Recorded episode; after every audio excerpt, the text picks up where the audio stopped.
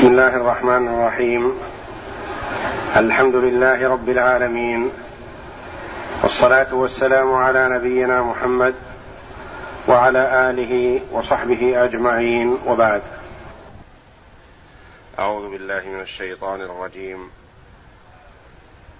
وما كان الله ليضل قوما بعد إذ هداهم حتى يبين لهم ما يتقون إن الله بكل شيء عليم. إن الله له ملك السماوات والأرض وما لكم من دون الله من ولي. إن الله له ملك السماوات والأرض يحيي ويميت وما لكم من دون الله من ولي ولا نصير. لقد تاب الله على النبي والمهاجرين والأنصار الذين اتبعوه في ساعة العسرة من بعد ما كاد يزيغ قلوب فريق منهم ثم تاب عليهم إنه بهم رءوف رحيم. جل وعلا. ما كان للنبي والذين آمنوا أن يستغفروا للمشركين ولو كانوا أولي قربى. من بعد ما تبين لهم أنهم أصحاب الجحيم. وما كان استغفار إبراهيم لأبيه إلا عن موعدة وعدها إياه. فلما تبين له أنه عدو لله تبرأ منه. إن إبراهيم لأواه حليم. ثم قال جل وعلا ها هنا وما كان الله ليضل قوما بعد إذ هداهم حتى يبين لهم ما يتقون. لما نهى الله جل وعلا رسوله صلى الله عليه وسلم وعباده المؤمنين عن الاستغفار للمشركين خشي بعض الصحابة أن يواخذهم الله في استغفارهم السابق لأقربائهم من المشركين. لما علموا أن ذلك لا يرضي الله خشوا أن يواخذهم الله في استغفارهم السابق وخافوا على أنفسهم فأنزل الله جل وعلا وما كان الله ليضل قوما بعد إذ هداهم حتى يبين لهم ما يتقون.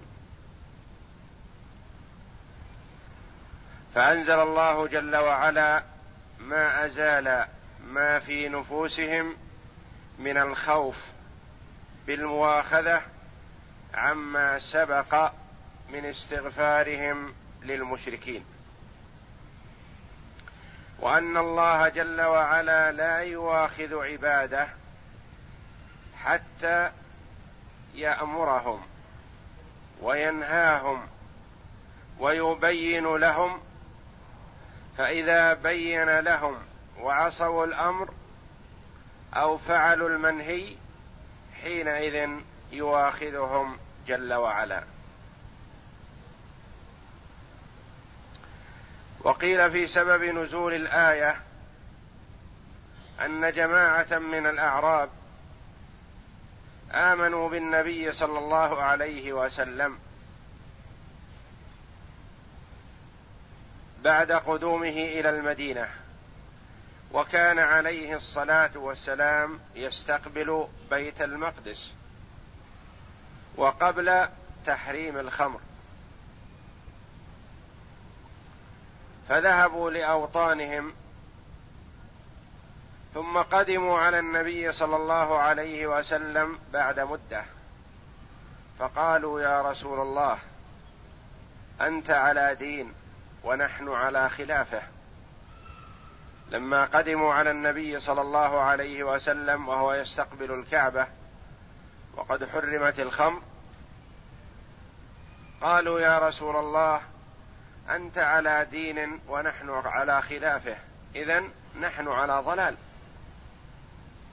وعملنا باطل. ومواخذون بعدم فعلنا على ضوء ما تفعل. فأنزل الله جل وعلا وما كان الله ليضل قوما بعد إذ هداهم حتى يبين لهم ما يتقون. وعلى غرار هذا حينما حرم الله جل وعلا الخمر تحريما قاطعا في قوله جل وعلا يا أيها الذين آمنوا إنما الخمر والميسر والأنصاب والازلام رجس من عمل الشيطان فاجتنبوه لعلكم تفلحون. إنما يريد الشيطان أن يوقع بينكم العداوة والبغضاء في الخمر والميسر ويصدكم عن ذكر الله وعن الصلاة فهل أنتم منتهون؟ قال عمر رضي الله عنه بعد ذلك انتهينا انتهينا. هذا تحريم قاطع.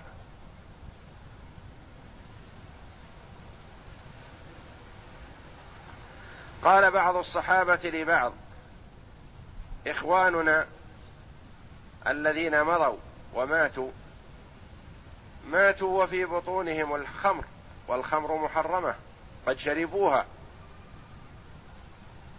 ولم يتوبوا منها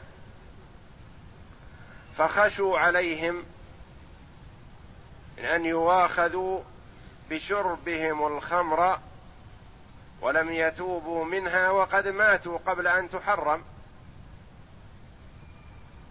فأنزل الله جل وعلا ليس على الذين آمنوا وعملوا الصالحات جناح فيما طعموا إذا ما اتقوا وآمنوا. ثم اتقوا وأحسنوا والله يحب المحسنين. فالله جل وعلا من لطفه بعباده ورحمته بهم وعدله لا يواخذ عباده على فعل ما لا يجوز شرعا قبل أن يبلغهم النهي. ولا يواخذهم على ترك فعل ما أمروا به قبل أن يبلغهم الأمر. يقول جل وعلا وما كان الله ليضل قوما بعد اذ هداهم. فالله جل وعلا هدى عباده للصراط المستقيم ووفقهم للإيمان فآمنوا به وبرسوله صلى الله عليه وسلم.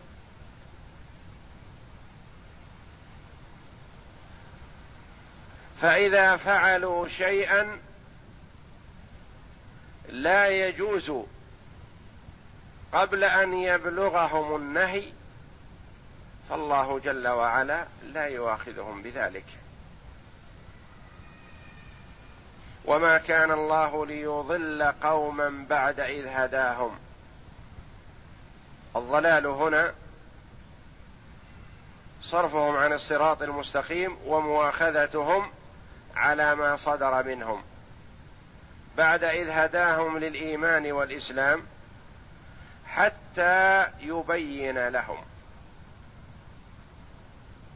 يبين لهم ما يأتون وما يذرون.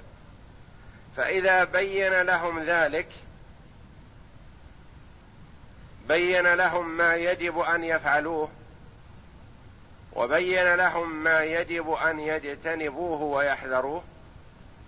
ثم فعلوا المنهي عنه وتركوا المأمور به في هذه الحال يواخذهم الله جل وعلا. أما أن يواخذهم على تحريم شيء لم يبلغهم أمره فمن رحمته جل وعلا بعباده أن لا يواخذ على ذلك.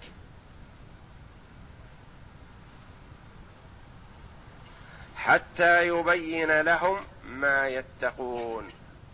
يبين لهم ما يكون سببا لتقواهم بفعل المأمور به وترك المنهي عنه. إن الله بكل شيء عليم.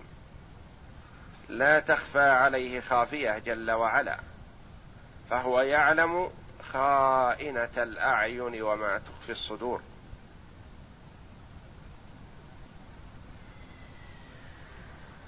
يعلم من عباده أنهم فعلوا ما فعلوا لا معاندة ولا ردا للأمر ولكن ظنا أن هذا جائز. لأن كثيرا من الأوامر الشرعية والنواهي لا تعلم إلا عن طريق الوحي. لا تعلم إلا عن طريق الوحي. فالمرء قد يستحسن بعقله قبل النهي شرعا أنه يحسن منه أن يدعو لأقربائه وان ماتوا على الكفر. لأن الله جل وعلا قادر على كل شيء. قادر أن يغفر لهم. ولا أحد يرد ما أراده الله جل وعلا وشاءه فمن حيث العقل قد يستحسن دعوة المرء لأقربائه وان ماتوا على الكفر.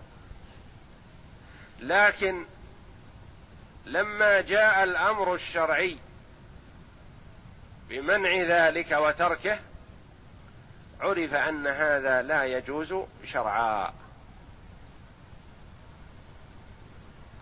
وما لا يجوز شرعا لا يواخذ الله جل وعلا على مخالفته حتى يبينه لعباده.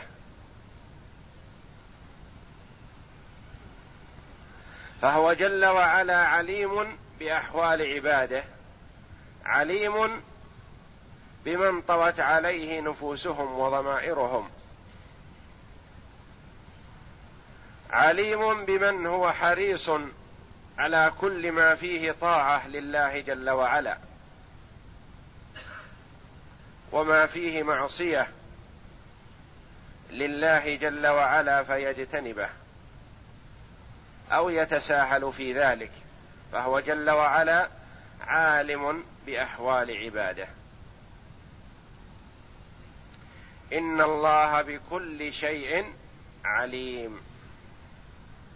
وشيء نكرة تعم. الصغير والكبير. القليل والكثير الظاهر والخفي. لا تخفى عليه جل وعلا خافية.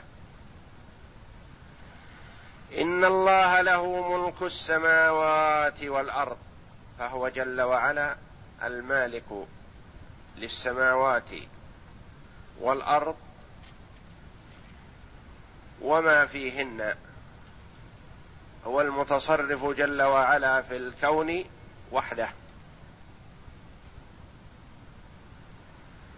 يحيي ويميت. يحيي من شاء من عباده على الإيمان ويميته على ذلك. ويحيي من شاء من عباده على الكفر والضلال بدون أن يكون منه ظلم جل وعلا لعباده ويميته على ذلك.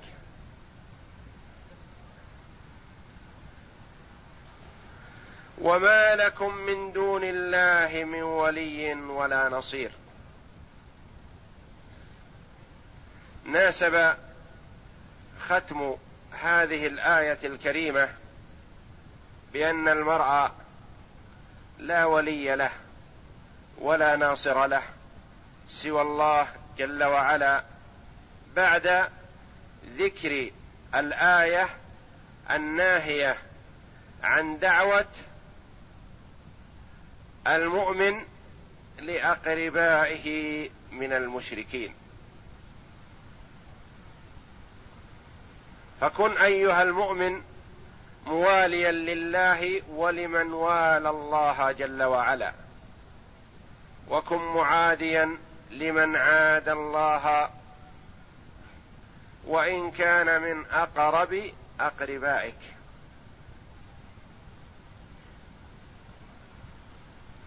فوض الأمر إلى الله جل وعلا وارجع إليه في جميع شؤونك واطلب منه النصر والتأييد ولا تطلب ذلك من غيره كائنا من كان.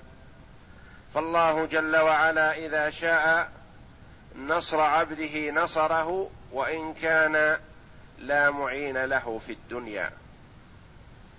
وإذا شاء خذلان عبده خذله وإن كانت الدنيا كلها معه. وما لكم من دون الله من ولي يتولى أموركم ولا نصير ينصركم من دونه جل وعلا. فهو جل وعلا المتولي لأمور عباده وهو الناصر من أراد نصره.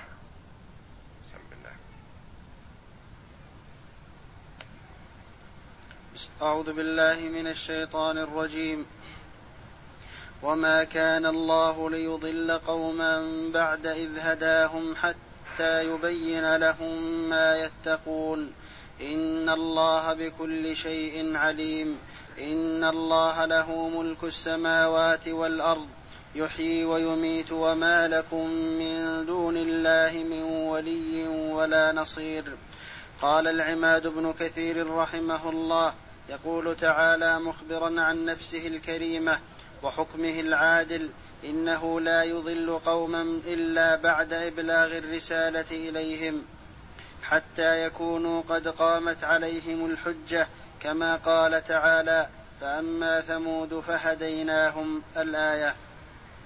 وقال مجاهد في قوله تعالى وما كان الله ليضل قوما بعد إذ هداهم الآية.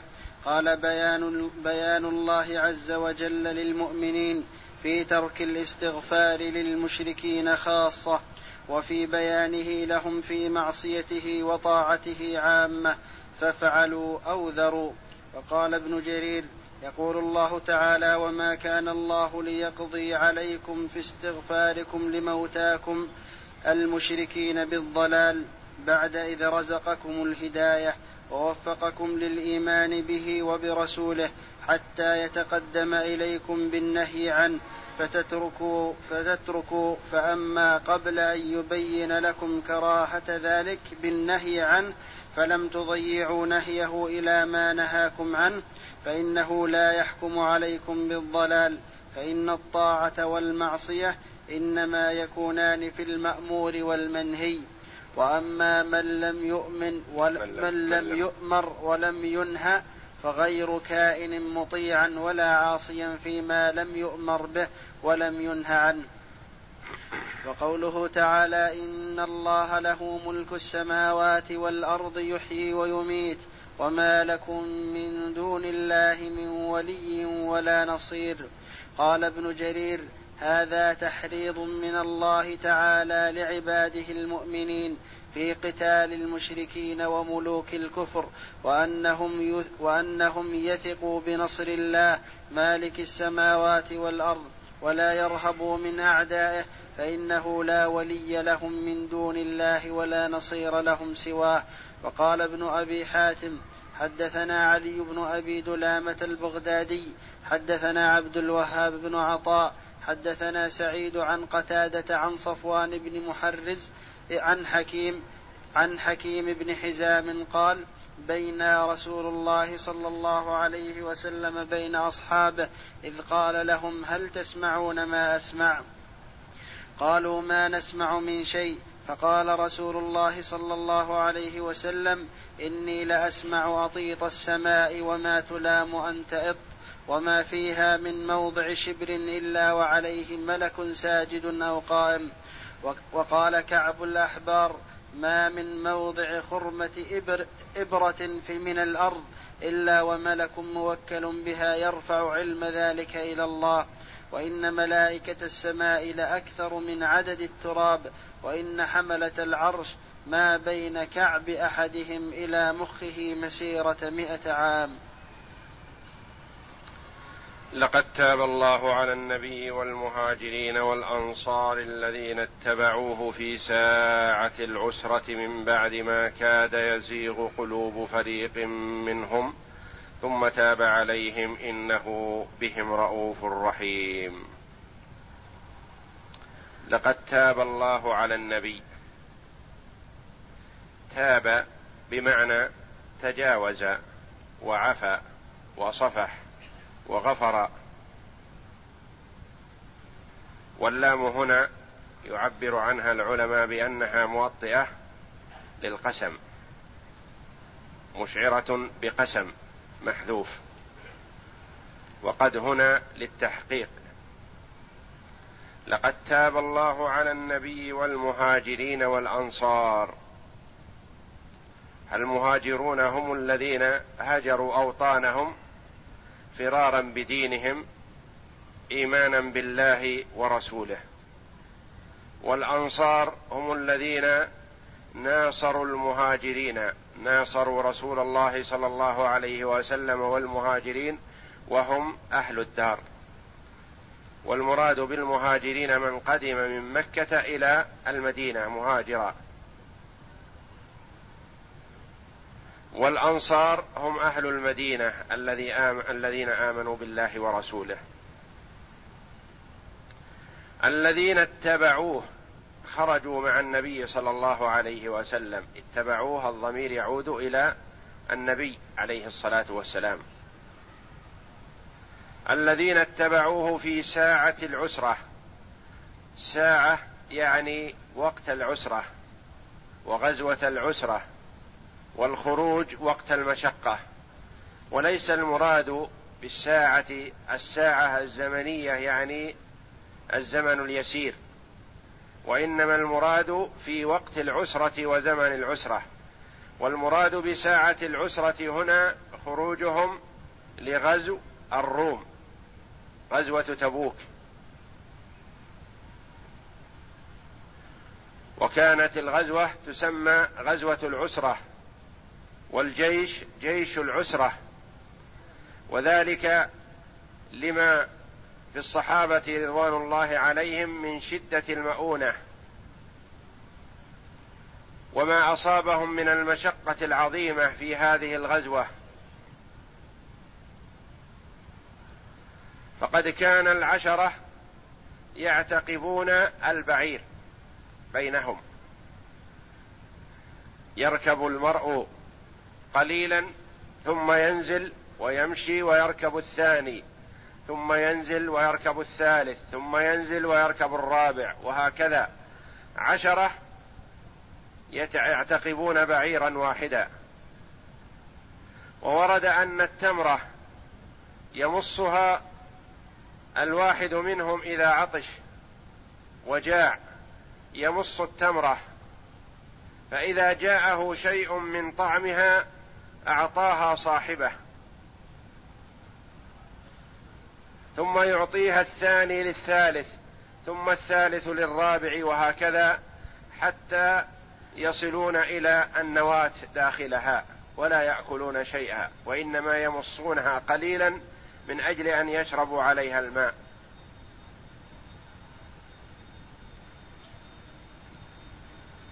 وكان الواحد منهم يصيبه العطش الشديد. لا يجد ماء يشربه فينحر بعيره ويمص فرثه الفرث الذي في الكرشه فيه رطوبة يمصه يعصره عصرا من أجل أن يشرب ما فيه وما بقي يضعه على كبده ليلطف عليه الحرارة ويخففها عنه.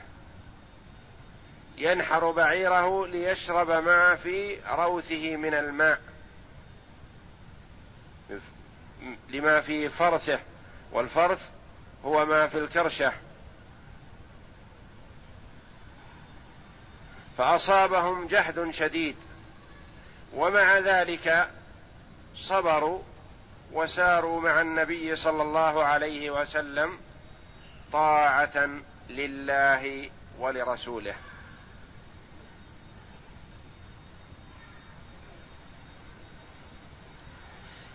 من بعد ما كاد يزيغ قلوب فريق منهم. كاد بمعنى قارب وأوشك. والزيغ هو الانحراف عن الصراط المستقيم. وقد يكون المراد ما حدثت به نفس بعضهم بأن يتأخروا. ولكنهم لم يفعلوا. ثم تاب عليهم إنه بهم رؤوف رحيم. كرر التوبة في الآية في قوله لقد تاب الله على النبي ثم قال بعد ذلك ثم تاب عليهم ليتوبوا.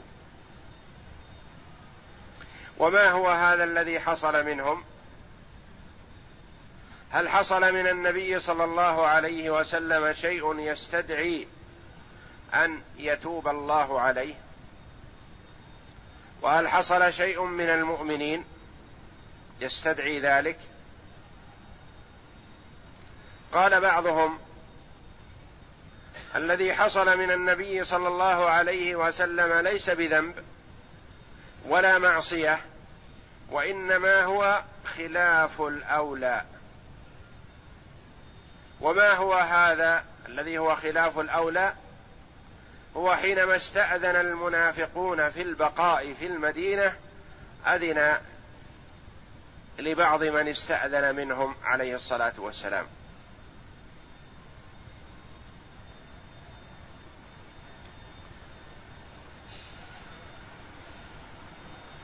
فإذنه صلى الله عليه وسلم لمن استأذن خلاف الأولى. كما قال الله جل وعلا عفى الله عنك لما آذنت لهم حتى يتبين لك الذين صدقوا وتعلم الكاذبين.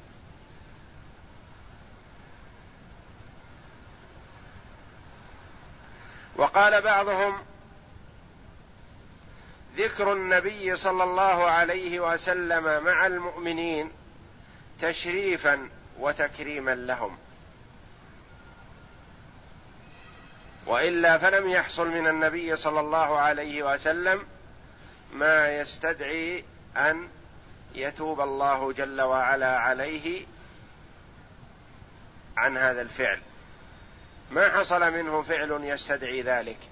وإنما ذكره الله جل وعلا في صدر الآية تشريفا وتكريما للمؤمنين. وتلطفا بهم واظهارا لفضلهم. كما قال الله جل وعلا واعلموا أن ما غنمتم من شيء فأن لله خمسه وللرسول. فذكر الله جل وعلا كما تقدم لنا هنا تشريفا وتكريما. للمذكورين بعد بأن الله جل وعلا يقاسمهم ذلك ويشاركهم فيه. تعالى الله. تشريفا لهم بأن له شيء من هذا الخمس. وتقدم لنا أقوال المفسرين في ذلك رحمهم الله. وهنا قال بعضهم ذكر النبي صلى الله عليه وسلم تشريفا للمؤمنين وتلطفا بهم بأن حالهم حال النبي صلى الله عليه وسلم. والمهاجرين والأنصار تاب الله عليهم عما وقع في نفوس بعضهم من عدم الرغبة في الخروج في هذه الحال الشديدة لأن الخروج كان في وقت الحر الشديد والنفقة قليلة والظهر قليل المركوب والعدو كثير. والمسافة بعيدة. فوقع في نفوس بعضهم أن تمنوا عدم الخروج. فتاب الله عليهم لذلك.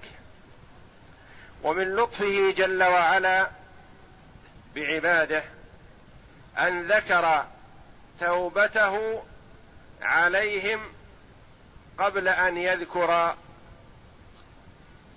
عن ماذا تاب عليهم الذي حصل منهم. ثم كرره مرة أخرى تاكيدا.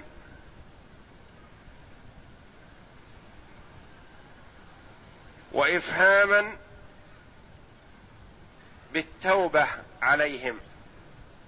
لقد تاب الله على النبي والمهاجرين والأنصار الذين اتبعوه في ساعة العسرة من بعد ما كاد يزيغ قلوب فريق منهم ثم تاب عليهم. أن يتوب الله عليهم من أجله. من بعد ما كاد يزيغ قلوب فريق منهم. ثم تاب عليهم إنه جل وعلا بهم بعباده المؤمنين رؤوف رحيم. فهو جل وعلا أرأف بعباده من الوالدة بولدها وقوله جل وعلا من بعد ما كاد يزيغ قلوب فريق منهم. في كلمة يزيغ قراءتان سبعيتان. يزيغ وتزيغ. بالتاء والياء.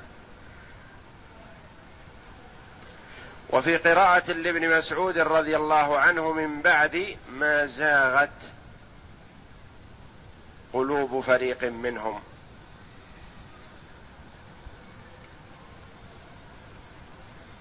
وكاد بمعنى أوشك وقرب.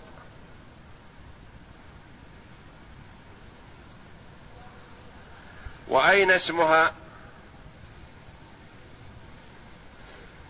ضمير الشان محذوف. وخبرها جملة يزيغ قلوب فريق منهم. والعامل في قلوب الرافع لها هي فاعل. أين فعلها؟ يزيغ. من بعد ما كاد يزيغ قلوب فريق منهم.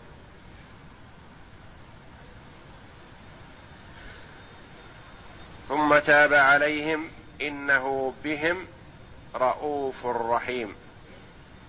إنه إن واسمها رؤوف خبرها ورحيم خبر ثاني.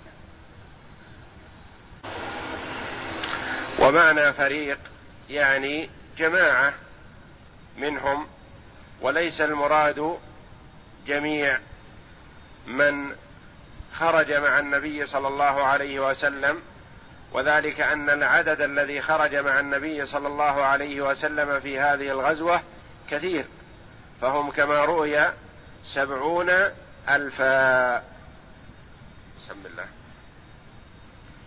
أعوذ بالله من الشيطان الرجيم.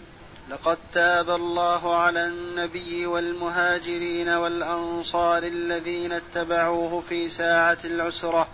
من بعد ما كاد يزيغ قلوب فريق منهم ثم تاب عليهم. إنه بهم رءوف رحيم. قال العماد بن كثير رحمه الله. قال مجاهد وغير واحد. نزلت هذه الآية في غزوة تبوك. وذلك أنهم خرجوا إليها في شدة من الأمر في سنة مجدبة وحر شديد وعسر من الزاد والماء. قال قتادة خرجوا إلى الشام عام تبوك في لهبان الحر على ما لهبان الحر يعني شدة الحر. نعم, نعم. على ما يعلم يعلم على ما يعلم الله من الجهد أصابهم فيها جهد شديد حتى لقد ذكر لنا أن الرجلين كانا يشقان التمرة بينهما وكان النفر يتداولون التمرة بينهم يمصها هذا ثم يشرب عليها ثم يمصها هذا ثم يشرب عليها فتاب الله عليهم وأقفلهم من غزوتهم وقال ابن جرير حدثني يونس جب ابن عبد الأعلى أخبرنا ابن وهب أخبرني عمرو بن, عبد بن الحارث عن سعيد بن أبي هلال عن عتبة بن أبي عتبة عن نافع بن جبير عن مطعم عن عبد الله بن عباس أنه قيل لعمر بن الخطاب رضي الله عنه في شأن العسرة فقال عمر بن الخطاب خرجنا مع رسول الله صلى الله عليه وسلم إلى تبوك. في قيض شديد فنزلنا منزلا فأصابنا فيه عطش حتى ظننا أن رقابنا ستنقطع وحتى إن كان الرجل حتى إن كان الرجل ليذهب يلتمس الماء فلا يرجع حتى يظن أن رقبته ستنقطع وحتى إن الرجل لينحر بعيره فيعصر فرثه فيشربه ويجعل ما بقي على كبده. فقال أبو بكر الصديق رضي الله عنه يا رسول الله إن الله عز وجل قد عودك في الدعاء خيرا فادع لنا. فقال تحب ذلك؟ قال نعم. فرفع يديه ثم فرفع يديه فلم يرجعهما حتى سالت السماء فأهطلت ثم سكنت فملأوا ما معهم ثم ذهبنا ننظر فلم نجدها جاوزت العسكر. يعني كان المطر عليهم فقط وحدهم على مكانهم فقط. ارتووا وشربوا. نعم. وقال ابن جرير في قوله لقد تاب الله على النبي والمهاجرين والأنصار الذين اتبعوه في ساعة العسرة أي من النفقة والظهر والزاد والماء. من بعد ما كاد يزيغ قلوب فريق منهم أي أي عن الحق ويشك في دين الرسول صلى الله عليه وسلم ويرتاب للذين لهم من المشقة والشدة في سفرهم وغزوهم ثم تاب عليهم. يقول ثم رزقهم الإنابة إلى ربهم والرجوع إلى الثبات على دينه إنه بهم رؤوف رحيم.